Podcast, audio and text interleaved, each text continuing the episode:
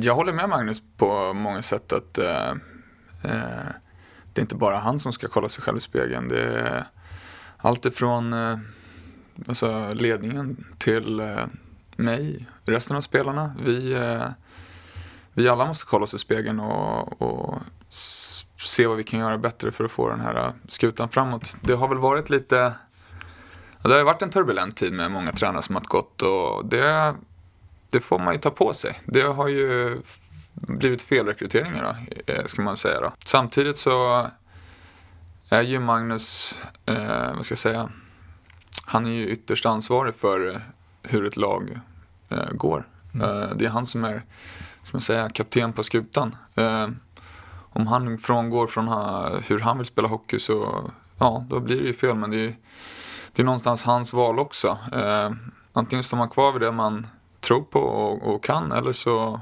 ja, eh, går man ifrån och då kanske inte blir lika bra. Men eh, någonstans så är det ju också hans beslut, eh, tycker jag.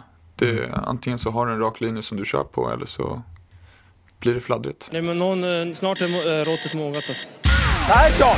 Lägger på blå för loppen, kommer skjuta, fintar skott, spelar pucken höger istället, Davidsson skjuter, man lever över returen! Skottläge kommer där! Kan jag få låna micken? I mål!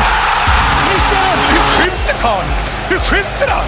Jag kan bara säga att det där är inget skott faktiskt, Lasse. Det där är någonting annat. Det där är liksom, han skickar på den där pucken så jag nästan tycker synd om pucken. Den grinar när han drar till den. Utan Fröbo var målvakt! Kan jag få låna micken? Kolla! Poff!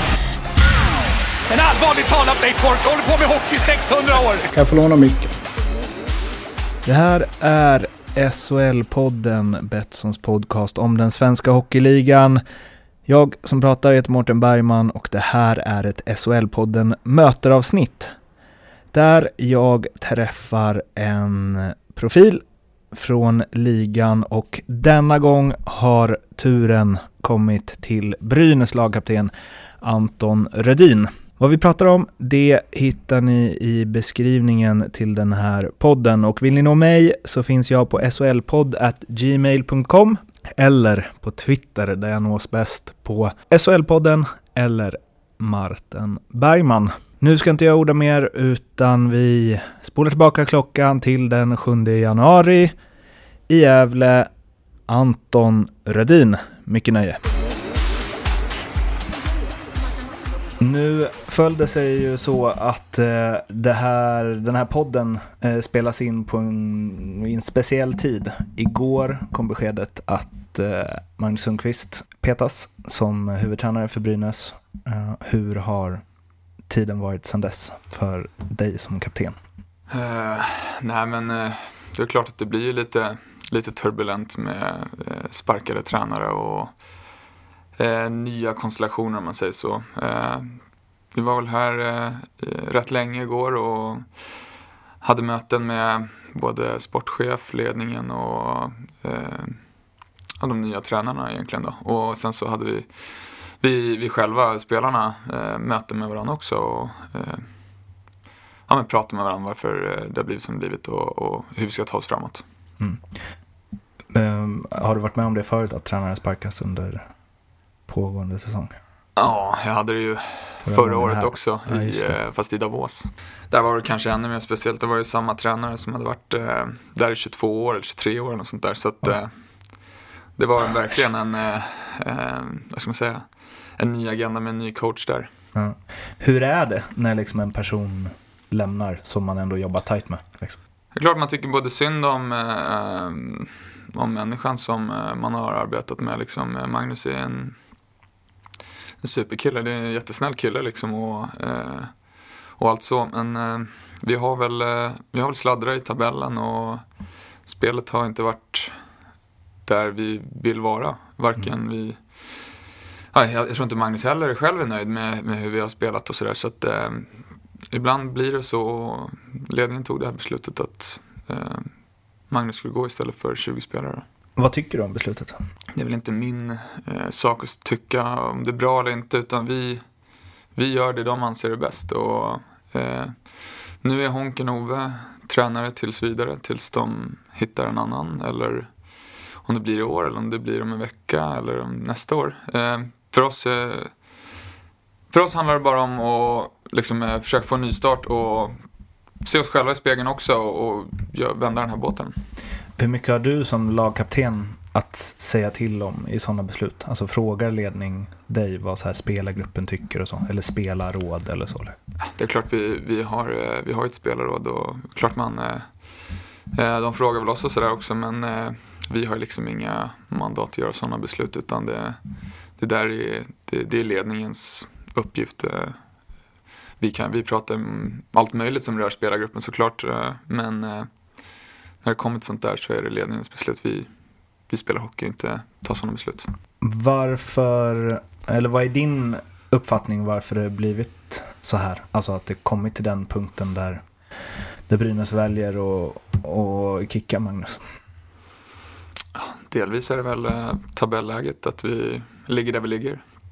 Men eh, jag tror att det, det handlar mer om mer än det också. Mycket på slutet har ju också varit att spelet har varit för dåligt helt enkelt. Och de såg väl att det, att det inte fanns någon, liksom, någon vändpunkt på det utan uh, kände väl att det, det, måste brytas av för att uh, komma i en ny riktning, riktning liksom, uh, med själva spelet. Sen kommer inte det ske över en natt heller men det var väl det som krävdes då. Känner du också att det är liksom kört fast? Om man ska förenkla det. Eh, ja, men lite så har vi väl varit på slutet. Eh, vi, eh, lite, vi, har, vi, vi vinner liksom inte på våra bra dagar och vi vinner ju definitivt inte på dåliga dagar. Och det är väl där någonstans man måste vara. Du måste ha ett spelsystem som är vattentätt så att du kan vinna på dåliga dagar och när du är bra då, då ska du vinna. Visst kan man torska en sån match också men inte så mycket som det har varit. Om man kollar på eh, er underliggande statistik så är det ju ganska mycket av den som ser ganska bra ut. Nu är inte jag någon expert på det, men om man ska gå på sådana siffror i alla fall, Corsi och Fenwick och allt vad det är, så ser det bra ut. Det är egentligen två, två siffror som inte är bra. Det är målvaktsspelet och det är skottprocenten. Mm. Um, alltså, om man, ska, om man ska ta, om jag tar tränars parti här, mm. kan han påverka sånt?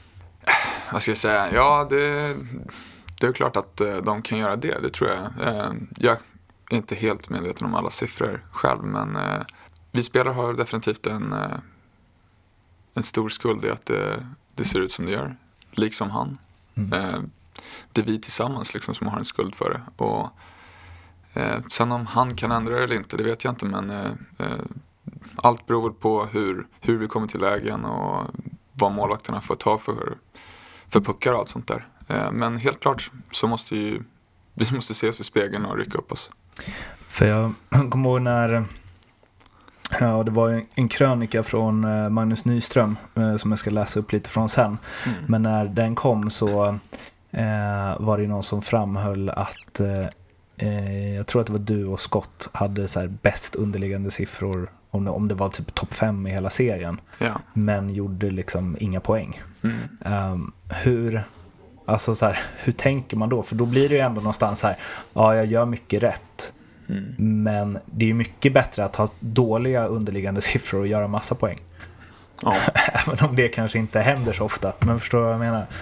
Ja, absolut. I, vad ska jag säga, i det korta, det korta loppet så är det väl så. Det är klart mm. man gör mycket poäng och tycker jag spelar dåligt under en kort period. Eh, under en längre period så håller jag väl inte med. utan spelar du så bra då, så kommer det förmodligen att komma. Mm. Men det är mycket sådana här, jag ska säga, mycket, eh, nu tycker jag att vi ändå har inte spelat super och om vi nog ändå har haft bra underliggande siffror så är väl det en, en bra bedrift. Eh, hade vi haft ännu stabilare spel överlag så kanske det hade varit ännu bättre. Mm. Så att, eh, ja, svårt att säga. Men just att så här, för egen del när du bara, ja, mina siffror är bra, jag gör tydligen bra prestationer. Men jag, gör, alltså det, jag kan tänka mig att det måste vara svårt att trösta sig med det. Om man inte vinner matcher. Så. Ja, alltså det är svårt att trösta sig själv. Eh, även om du hänger tre och du torskar med mm. 4-3 så är inte det någon tröst heller. Mm. Eh, spelar du bra och du torskar och torskar med 5-0 så är inte det mm. någon tröst heller. Men vad ska man säga? Jag har alltid försökt se prestationen före poäng. Mm. Eh, om jag bara ska gå på poäng hela tiden så blir det nästan, ja, jag tror inte det är så man går vidare. Utan eh, jag, försöker, jag försöker fokusera på min prestation och göra allt jag kan så bra jag bara kan.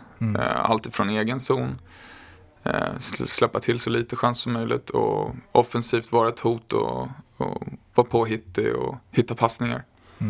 Eh, gör jag alla de här sakerna bra så kommer också målen och poängen att komma. Och, ja, nu har det ju rullat på lite på slutet. Jag har väl själv mm, liksom börjat tänka, jag har kanske frångått det lite och mm, kört fast i att jag inte har fått in puckarna. Och nu på slutet så har jag börjat tänka igen liksom att fortsätt göra bra saker så kommer det andra komma. Mm. När eh, Magnus fick gå så höll han, jag vet inte om det var någon presskonferens, men han kommenterade i alla fall allt väldigt och var väldigt liksom eh, utförlig i svaren. Eh, och bland annat så sa han att eh, jag är inte den enda som styr Brynäs. Alla som jobbar med sporten borde sätta sig i soffan och analysera sin egen insats. Eh, likväl som jag eh, rannsakar mig själv och tar mitt ansvar eh, eh, så förväntar jag mig att mina kollegor och alla andra runt Brynäs också sätter sig ner och frågar sig vad eh, de hade kunnat göra annorlunda. Ja, han sa ju också så här, jag har ändrat mig som tränare och det måste man kanske göra när man är i en stor klubb som Brynäs. Ja, och även i eh, flera andra citat att han liksom, det kanske är större än bara tränarens fel liksom. Eh, även på liksom hög nivå. Eh, och det har ju, är det tre tränare på tre säsonger som har fått gå härifrån. Varför, alltså jag förstår att det är svårt som spelare att analysera, men varför har det blivit så här, tror du? Ja, vad ska jag säga? Det, eh, jag håller med Magnus på många sätt att eh, eh, det är inte bara han som ska kolla sig själv i spegeln. Det är allt ifrån eh, alltså ledningen till eh, mig, resten av spelarna. Vi, eh, vi alla måste kolla oss i spegeln och, och se vad vi kan göra bättre för att få den här eh, skutan framåt. Det har väl varit lite det har ju varit en turbulent tid med många tränare som har gått och det, det får man ju ta på sig. Det har ju blivit felrekryteringar då, eh, ska man säga då. Samtidigt så är ju Magnus, eh, vad ska jag säga, han är ju ytterst ansvarig för eh, hur ett lag eh, går. Eh, det är han som är, som jag säga, kapten på skutan. Eh, om han frångår från ha, hur han vill spela hockey så, ja, då blir det ju fel. Men det är det är någonstans hans val också. Antingen står man kvar vid det man tror på och, och kan eller så ja, eh, går man ifrån och kanske inte blir lika bra. Men eh, någonstans så är det ju också hans beslut, eh, tycker jag. Det, Antingen så har du en rak linje som du kör på eller så blir det fladdrigt. Har det blivit fladdrigt? Ja, spelmässigt så har det ju varit lite så eh, emellanåt. Jag säger inte att det är Magnus fel. Eh, Magnus är en jättebra kille, och, eh, men han är ju trots allt ytterst, ytterst ansvarig. Det är han ju. Um, att, det, att det har blivit så i, i klubben liksom under de här åren. Um, och som han påpekar att även ledningen kanske får liksom se sig själva i spegeln. Är det något, du har ju varit här eh, två vändor, är det något speciellt liksom? Alltså med Brynäs, att det är liksom, men det är en klassisk klubb, stor press, det är liksom många, ehm, Eh, jag kan börja jämföra, jag håller på Leksand, liksom. jag kan börja jämföra, det är många som ska tycka, det är många gamla storspelare, det, är liksom, det var bättre förr och hela faderullan. Finns det här liksom? Alltså det är klart, Brynäs är en, eh, som, som Leksand en, eh, en stor och en klassisk klubb. Mycket fans överallt och det finns mycket tyckare. Och någonstans är det positivt också att folk bryr sig. Folk engagerar sig och det ser jag som jättepositivt. Sen så klart det är jobbigt när det går dåligt. eh, Att det finns, eh, att folk tycker också då. Det är fantastiskt när det går bra och det är lite jobbigare när det går dåligt. Men det hör till och det vet vi om, vi som spelar här. Och jag hade nog inte velat haft det på något annat sätt heller. Eh, sen du säger att det finns många gamla storspelare i klubben som bor kvar i Gävle också. Och att de säger att det var bättre förr och sådär och att det skulle vara någon press på oss spelare, det håller jag inte med om alls. Utan om det är någonting att det finns gamla storspelare eh, kvar i stan och eh, som finns på hallen runt omkring tränare, äh, träningar och matcher så är det bara det är bara positivt ska jag säga. Eh, jag tror inte en enda gång som jag har träffat någon gammal spelare, någon som har eh, liksom hackat på oss och sagt eh, vad han håller på med eller det var bättre förr.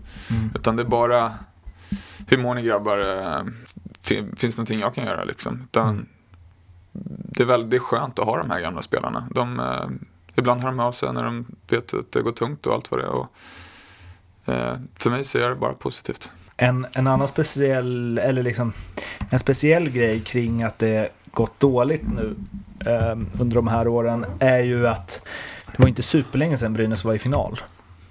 Um, så det är ju liksom inget lag som varit, återigen för att jämföra med Leksand då, som har varit på dekis i 20 år liksom. Utan det har gått ganska fort nerför. Um, och just med den liksom pressen runt om, um, bli, blir det, vad ska man säga, uh, kan det vara svårt, alltså först sparkar man en tränare, sen sparkar man en till, nu sparkar man en tredje. Alltså att så här, komma ur det på något sätt. Alltså förstår jag att man måste känna så här, det här måste vara något helt nytt liksom. Så att vi inte hamnar där igen. Ja, jo, men så är det ju såklart. Och det tror jag att eh, ledningen känner likadant. Utan eh, nästa gång, jag tror att det är därför de liksom vill vänta med tills de hittar rätt, rätt mm. namn för att leda det här. För vi vet hur bra det kan vara mm. med, eh, ja, vad ska man säga, rätt ledare. Vi hade ju Bulan Berglund här. Väldigt tydlig och rak i sitt ledarskap och viker liksom inte en tum. Det året gick de till final och man ser ju vad han har gjort med Luleå nu också. Mm. Eh, från att vara liksom knappt slutspel, mm. precis slutspel, till att vara en toppklubb. Och det är någonstans där vi måste hamna också. Eh, och det vet jag att de jobbar stenhårt för att, för att hitta. Och det är väl där vi siktar. Um, jag sa ju det innan att jag uh, skulle läsa upp några ord från Magnus Nyström eh, i en krönika i Expressen i oktober. Eh, där han eh, skrev så här. Det krävs något speciellt för att stå pall i en sån här stad, att hantera de gamla spelarna som vet bäst, supporterna som vet bäst och de gamla mästarna i den egna klubbledningen som både har kunskapen och makten att förändra. Så det första Brynäs borde göra är att befria Anton Rödin från C1 på tröjan, en nödvändig petning. Ett mål, fem assist och en väldig massa frustration över vad han visat upp hittills den här säsongen. Förväntningarna är enorma på denna hemvändare. Låt Rudin fokusera på bara sig själv. Detsamma gäller förre kaptenen Jakob Blomqvist. Mitt intryck är att de båda inte klarar av att hantera trycket det innebär att vara lagkapten i Brynäs i ett pressat läge. Uh, nu är det inte min uppgift att tycka om mina kollegors åsikter, så jag mm. frågar dig. Vad känner du kring de orden när de kom? Ja, jag vet inte vad jag tycker om dem. Jag, eller jag tycker väl att det är skitsnack egentligen, tycker jag. Jag tror inte han, eh, ja, jag tror inte han vet vad han pratar om. Mm. Som jag säger innan så tycker jag inte att det är så stor press från gamla spelare och staden i sig att vara lagkapten. Jag var det förra gången. Eh, jag var här också men då, då var det inga sådana artiklar. Så att eh, jag är den jag är och klubbledningen valde mig att vara kapten och det är inte så att jag har ändrat någonting bara för att jag mm. fick det där set. Utan jag är samma kille och försöker spela, spela likadant. Mm. Eh, sen så är vi ju, det är liksom inte, jag ska säga, jag har ju höga krav på mig själv och är inte nöjd med det. Trots att stundtals, eller spelmässigt har varit bra många gånger från min sida så eh, vet jag vad som krävs av mig och är inte riktigt där. Mm. Sen så kan jag väl tycka ibland att det är kanske lite väl hårt att eh, jag vet inte om jag ska göra tre poäng per match eller mm. för att det ska duga då. Men jag tycker själv att jag måste upp, helt mm. klart. Men sen, ja, jag vet inte, jag tycker att det där, det blir nästan bara larvigt. Eh, slänga ur sig skit för att slänga ur sig nästan känns det som. Jag, Eh, om vi nu går tillbaka till din, eh, din produktion som du säger som har blivit bättre nu. Eh, jag intervjuade Patrik Zackrisson igår. Och han sa att, eh, ja men för, jag tänkte på det från Leksand-Brynäs senast när du gjorde ditt första mål på, ja det var ganska många matcher va? Ja. Och sen gjorde han också det. Och båda ni, alltså man såg ju att det kanske inte var ett normalt måljubel liksom. Utan Nej. att det släppte lite. Ehm, och han sa att om bara, hade vi vunnit massa matcher så hade det inte spelat någon roll. Men nu när vi inte har gjort det så vet jag att jag är här för att göra poäng, liksom. Bland annat. Ehm, har, har du också känt den pressen, liksom att så här, jag, ska, jag är här för att göra mål? Nej, inte bara att göra mål. Eh, jag är här för att Eller se ja, till att det blir mål? producera och, och hjälpa till att vinna matcher. Sen om det är mål eller assist, det, egentligen skiter jag i det. Och sen om folk skriker att jag måste göra 20 mål, så jag vet inte, gör jag ett gäng eh, assist så att jag är ändå uppe i de där, då vet jag i alla fall att jag har gjort någonting bra. Sen så är det klart att jag tycker om att göra mål. Jag tycker att eh, jag ska göra en del mål. Men eh, ibland blir det inte så. Eh, det är klart att jag, det är som han säger att går det bra och laget vinner då är det inte så många som tänker på det. Eh, oftast kan det vara lite lättare att göra det då också än när det stormar som det har gjort lite. Och tittar man på vårt lag så är det ju inte jättemånga som överpresterar heller hittills. Och eh, någonstans måste det vara en signal också. Men ehm, om man liksom bakar ner det, känner du, känner du någon press? Eller är det liksom lugnt? Nej, det är klart jag har press från mig själv. Mm. Jag, den största pressen har jag på mig själv att jag ska leverera. Eh, sen finns det alltid folk som skriver och det finns folk som tycker att jag ska göra ditt och datt. Men eh, eh, någonstans så kommer den, den största pressen kommer från mig själv. Eh, att producera. Och gör jag inte det så jobbar jag febrilt för att jag ska komma till bukt med det. Om det är att vara ute tidigt, stanna kvar efter, eh, kolla video vad som helst. Så gör jag allt jag kan för att komma tillbaka dit. För jag vet att jag kommer komma tillbaka dit. Spelar rutinen in där? Att du, alltså så här, blev du mer stressad eller pressad av omgivningen när du var yngre? Absolut. Jag menar, eh, så är det när man, ju äldre man blir. Man har gått igenom dåliga tider. Och ofta så vet man att det kommer att vända. Men eh, man försöker få de där dalarna så, så små som möjligt. Så att man hela tiden är tillbaka på banan igen om man säger. Och eh, med åren så har det blivit liksom lättare. Jag vet att det kommer att komma. Men eh, jag får jobba ännu hårdare bara. Och ja, det, det är så det brukar komma tillbaks. Um, du skrev ett långt kontrakt när du kom hit. Uh, om vi... Uh, nu ska man inte ställa två frågor igen, men jag gör det ändå. Alltså dels den här säsongen. Vad ser du, vad ser du er liksom? Och vad... mm, Ja, mm, med tanke på hur, hur ni ligger till nu efter halva säsongen. Hur liksom förväntningarna och tankarna om resten av säsongen är. Men också ur någon form av längre perspektiv eftersom du ska vara här så länge. Vad ser du Brynäs liksom? Ja, om jag säger år så är det ju, har det ju varit en eh, missräkning hittills. Eh, vi ligger ju inte alls där vi tycker att vi ska ligga och spelmässigt inte alls heller som vi ska spela. Och för oss handlar det nu om att vända på den här båten och försöka vinna matcher. Och spelet måste se bättre ut. Du måste kunna eh, vinna på dina bra dagar och förlora, eller vinna på dina dåliga dagar. Sen så är det klart att eh, det kommer komma plumpar här och där. Men eh, eh, få ordning på allting och sen får vi se hur långt det räcker. Eh, det är nio poäng upp till eh, eh, slutspel tror jag. Och visst, det, det låter mycket men det är inte omöjligt. Och det handlar väl någonstans om att få bukt på, på spelet helt enkelt. Sen kommer inte det ske över en, över en natt heller. Men eh, måste börja där. Det är ganska speciellt också, tänker på matcher den här veckan, Linköping på lördag bland annat.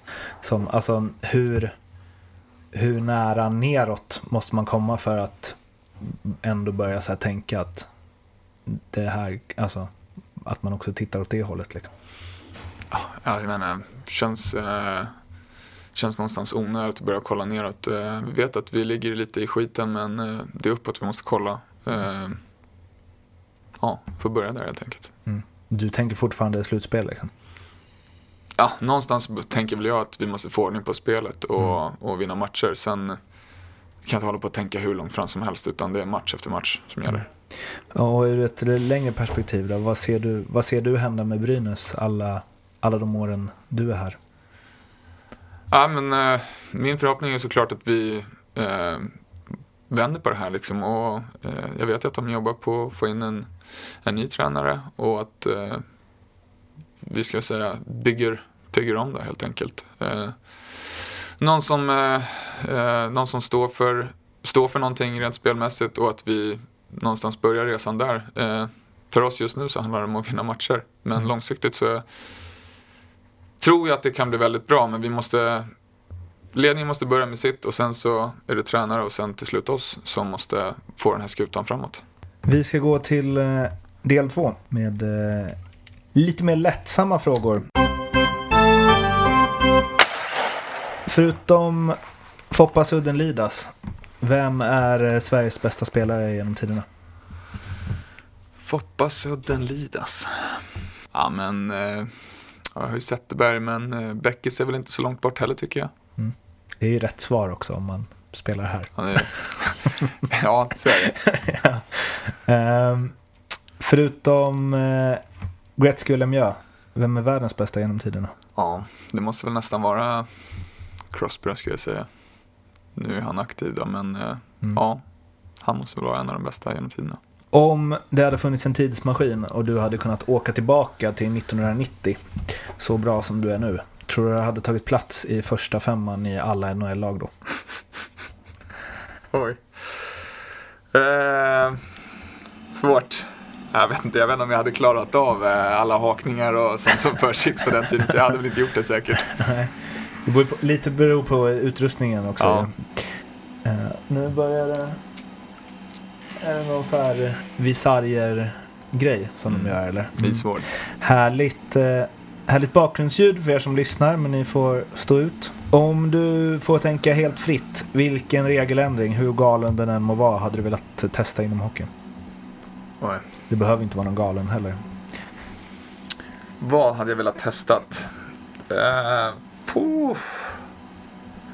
Ja, men det hade ju kunnat varit kul att köra 4 mot 4 istället mot 5 mot 5. Tror jag. Det här kan vara roligt. Hade det gynnat dig? Det tror jag. Ehm, den bästa spelaren du spelat med, och då behöver det inte vara den som liksom blev bäst, utan den som där och då är den bästa du varit i samma lag som. Ja, svår. Um, även jag var ju en liten sväng i Vancouver och då var ju Sedinarna där och ja, det är väl de bästa som jag har varit med Mm. samtidigt i ett lag. Vem är bäst av dem? Pass. De har väl gjort ungefär, eller så här, nästan exakt lika många poäng. Ja, precis.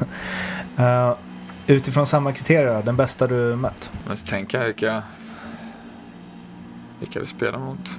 Ja, men eh, ja, jag gjorde ju tre matcher där så uh, mötte vi Colorado så McKinnon måste ju vara den bästa då, Mm. tror jag. Ty, alltså, för att han är det eller för att du tyckte att Nej, han för var att han det? är det. Ja. Det- Men du tyckte inte han var så bra? Alltså då var de inte superbra som lag.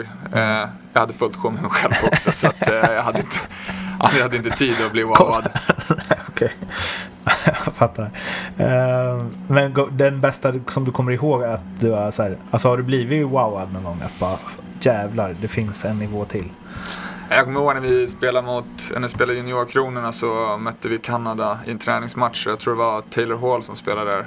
Och då, det var lite wow faktiskt. Då var, tyckte jag var så jäkla bra.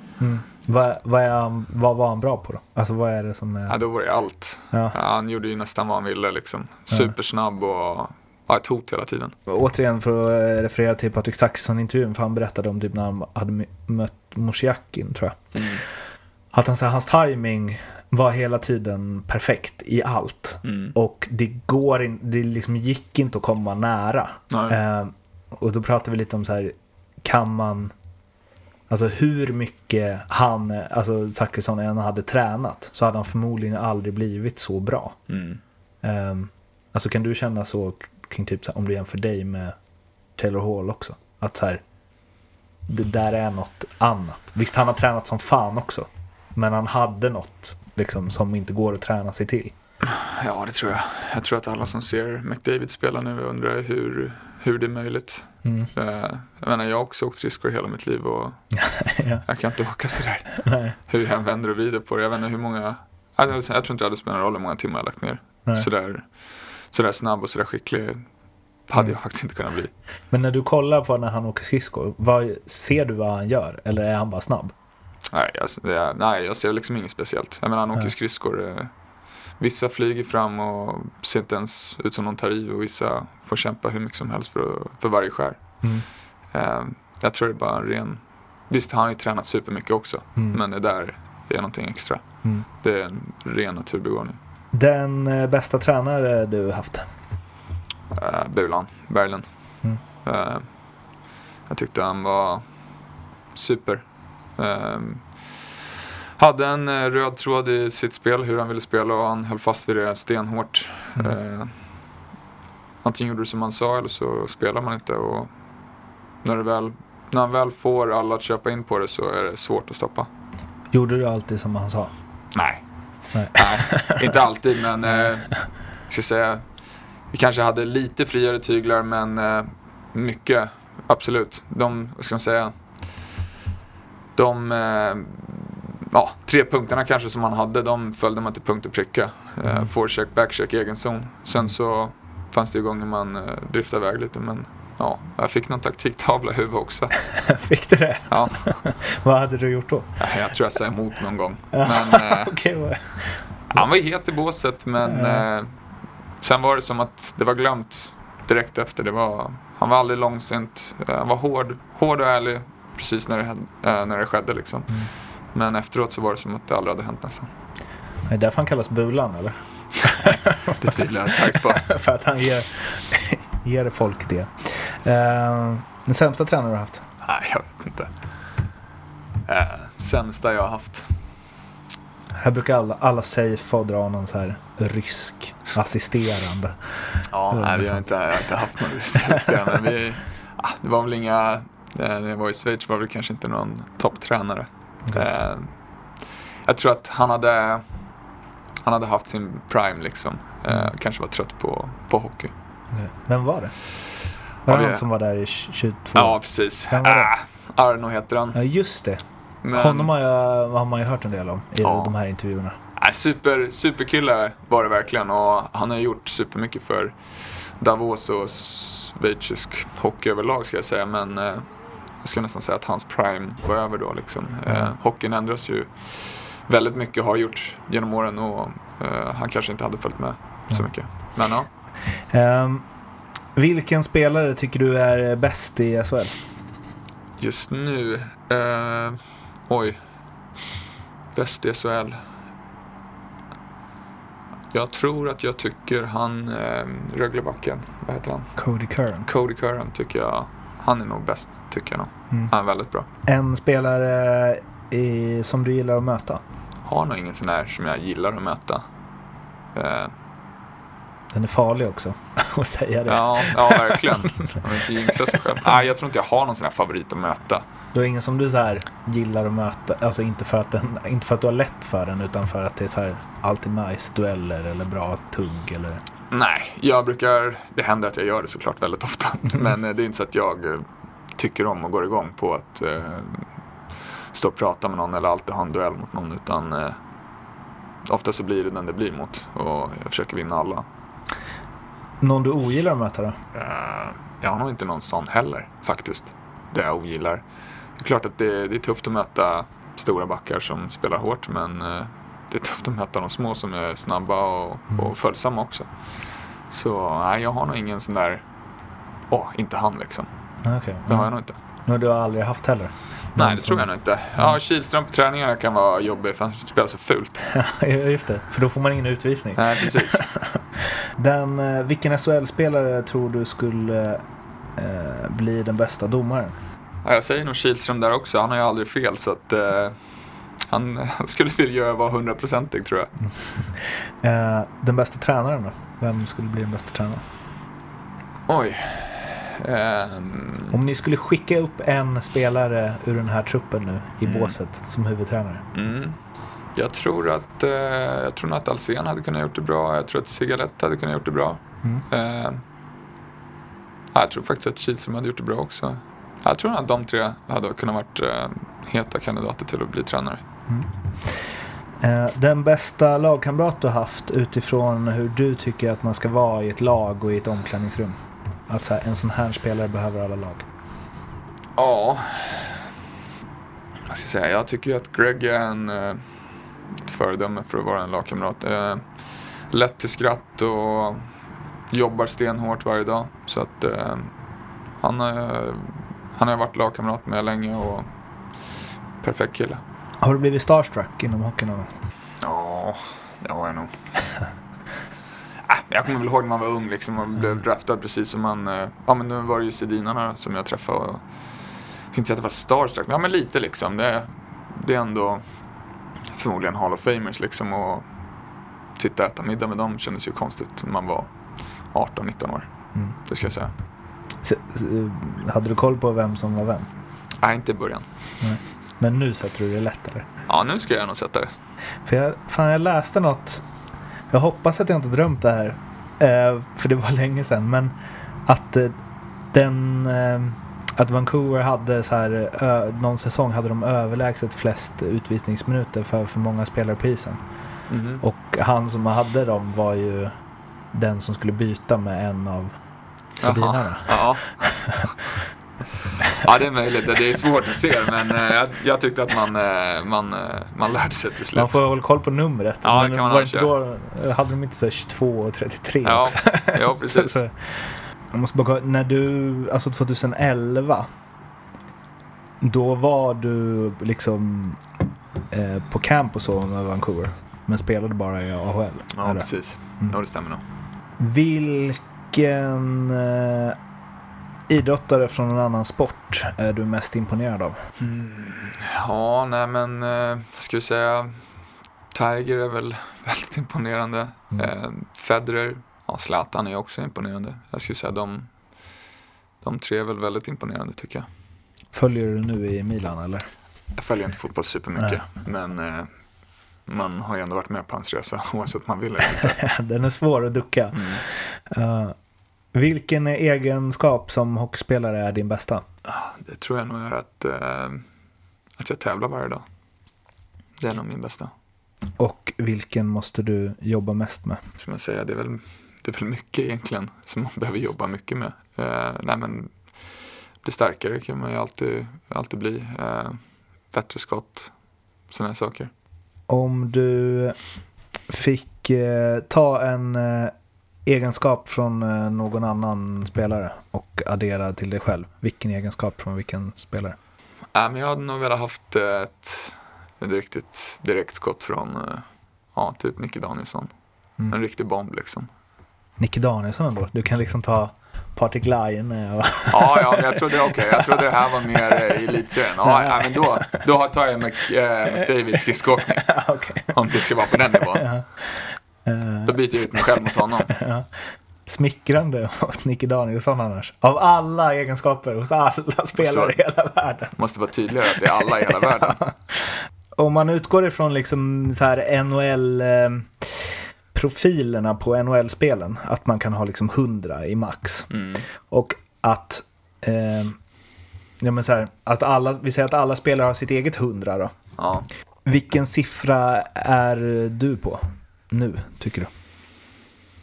Vad är McDavid på då? Nej men jag tänker att, så här, att du, eh, man, man bryter det loss från liksom övriga spelare, utan du, har ett, du kan ha 100. Det är så bra du bara kan vara och bli. Mm. Var är du då? Ja, jag vet inte. 85 då? Vad är, det, vad är det bästa du har varit hittills i din karriär, tycker du? Hur nära ditt max, det du tror är ditt max har du varit? Nej, men jag tror nog att jag har varit rätt nära mitt max. Mm. Ehm, sista året här i Sverige innan jag åkte så ehm, gick det ju väldigt bra. Å andra sidan så tyckte jag att det kunde ha gått mycket bättre. Ehm, Jag tycker jag hade matcher där jag sumpade mycket också. Men eh, jag hade jag hade lite flyt med, liksom, med puckar som studsade in och samtidigt så spelade jag väldigt bra. Ehm, Men jag hade nog personligen tyckt att jag kunde ha kramat ut en hel del till. Men hur mycket har du, Du, tycker du att du liksom hittills, det är ju många år kvar förhoppningsvis, men så här maximerat din potential? Nej. Man kan, Ja. Alla säger ju alltid att man kan bli bättre för att Mm. det hade varit svårt att ha någon drivkraft annars kanske. Ja. Men man kan ju också tycka att man har gjort eh, allt man kunnat eller att man kanske har varit lite slapp ibland. Alltså, Äh, Det är klart att när jag var yngre så var man väl lite slappare men eh, ju, ju, yng, eller ju, ju äldre man blir ju mer inser man hur lite slapp man kan vara och borde vara. Så att eh, jag har nog gett det här en härlig chans, det tycker jag. Och gör det fortfarande. hur många procent talang versus hård träning är det? Ja, jag ska säga, jag tror nog att det är ja, till jag 50-50 kanske. Jag tycker att jag jobbar väldigt hårt på träningar i, i gymmet och allt möjligt. Sen så är det väl en talang där sen innan att man, eh, ja, att jag har haft eh, en bra skridskoåkning från början, liksom fått lära mig rätt om man säger. Mm. Och sen så har jag jobbat hårt för att, för att få resten av bitarna på plats också. Om du med eh, all den erfarenhet du har av hockeyvärlden idag fick ge dig själv 15 år ett tips. För 15 år sedan. Nej, men om du hade kunnat så här, prata med dig själv när du var 15. Vad hade du sagt då? Ja, jag har sagt jobba ännu hårdare. Sen så är det väl, eh, det tog också ett litet tag för mig att hänga framför målet, där målen görs. Hur, alltså att du inte ville in där, eller? Ja, men att vara där mer. Mm. Det är där målen görs oftast, så häng där framför. Vem har betytt mest för din karriär? Oj. Jag har nog liksom inte någon som har betytt mest, utan det har varit så många. Allt ifrån eh, ja, mina föräldrar såklart, till tränare man har haft. Eh, ja, min fru då, som har varit med hela min seniorkarriär egentligen. Eh, varit med på alla, alla utflykter, alla liksom, eh, vänner hemma här också. Eh, det, är, det är många tränare såklart. Eh, ja, jag vet inte, jag kan inte komma på någon. Men jag säger att det, det är väl många tränare som har lyft den. Liksom. Eh, någon som har trott på en. Eh, Brynäs här har det funnits folk som har lyft fram en och, och trott på en. Medspelare som har plockat fram det bästa ur den också.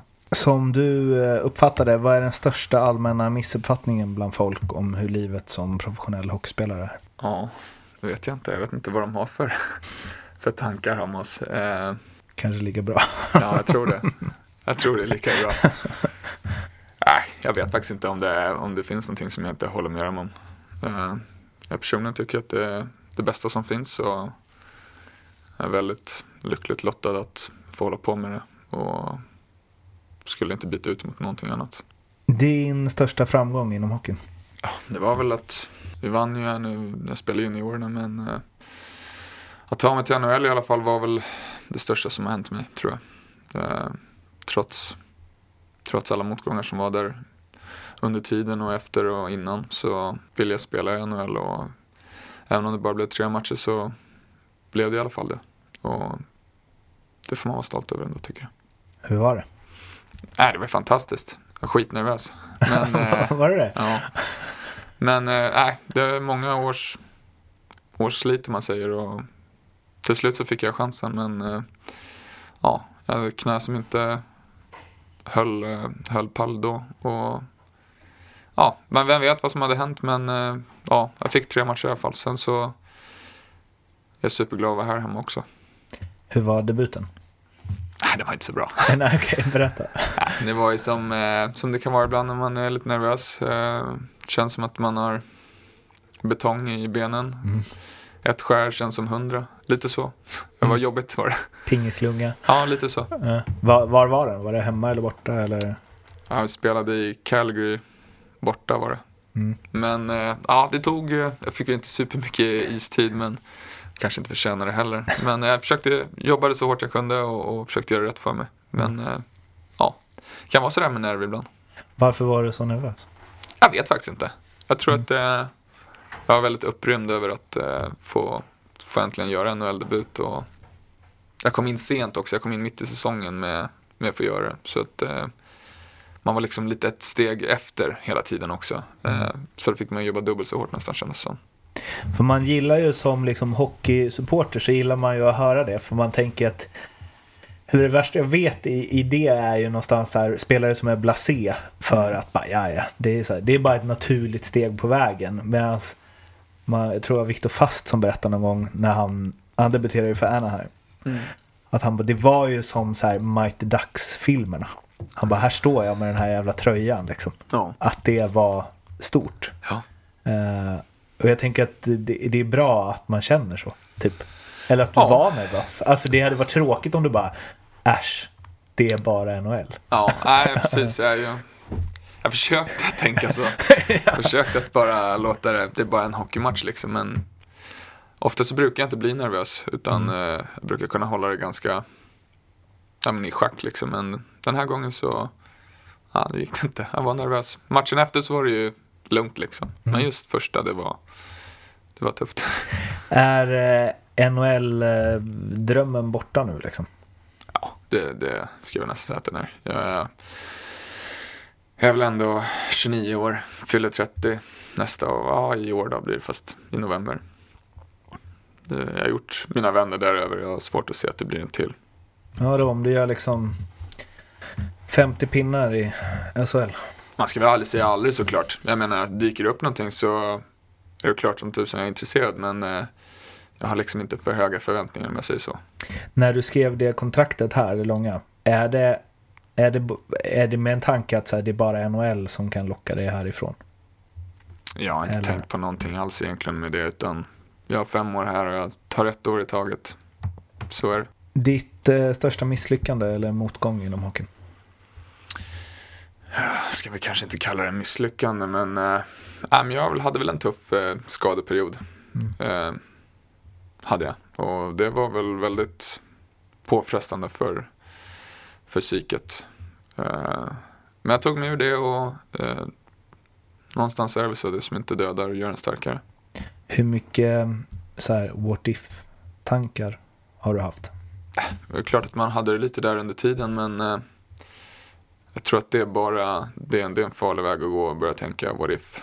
Eh, så jag tänker inte ens så, utan nu har det hänt och det är vad det är. Jag kan bara göra det bästa av situationen, inte gråta över spilld mjölk liksom. Vad är det sjukaste som hänt dig kring hockeyn? Slash berätta en rolig anekdot från karriären.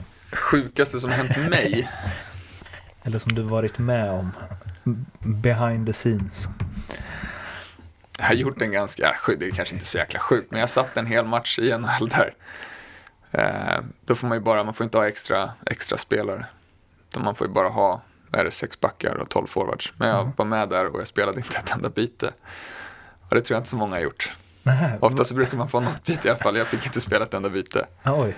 Var, det var en back som gick sönder under uppvärmning och jag ja, fick hoppa in då. Som, eh, jag tror att det var en forward eller en center som skulle gå ner och spela back. Och så skulle jag spela forward Ah. i en av fyra kedjor. Men jag gjorde inte ett byte.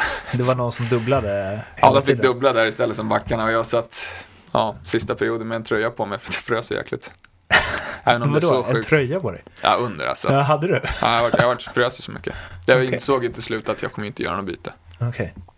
Okay. Deppigt. Ja, det var lite, jag, jag tror inte det är så många som har gjort det. Så att, eh, ja, det var väl, det var väl jättesjukt. Mm. Eh, Du fick ingen sån heller så här, sitta av en utvisning för Nej, inte ens det. Jag funderade nästan på att hoppa in bara för att... ska, skaffa dig en sån. precis. Ja, jag trodde jag skulle... Ja. Nej, det vart inte ett byte. Om du helt och hållet fick eh, regissera din sista match i karriären, vilket lag du spelar i, vilka ni möter, vad som händer i matchen, hur gammal du är och så. Hur låter det då?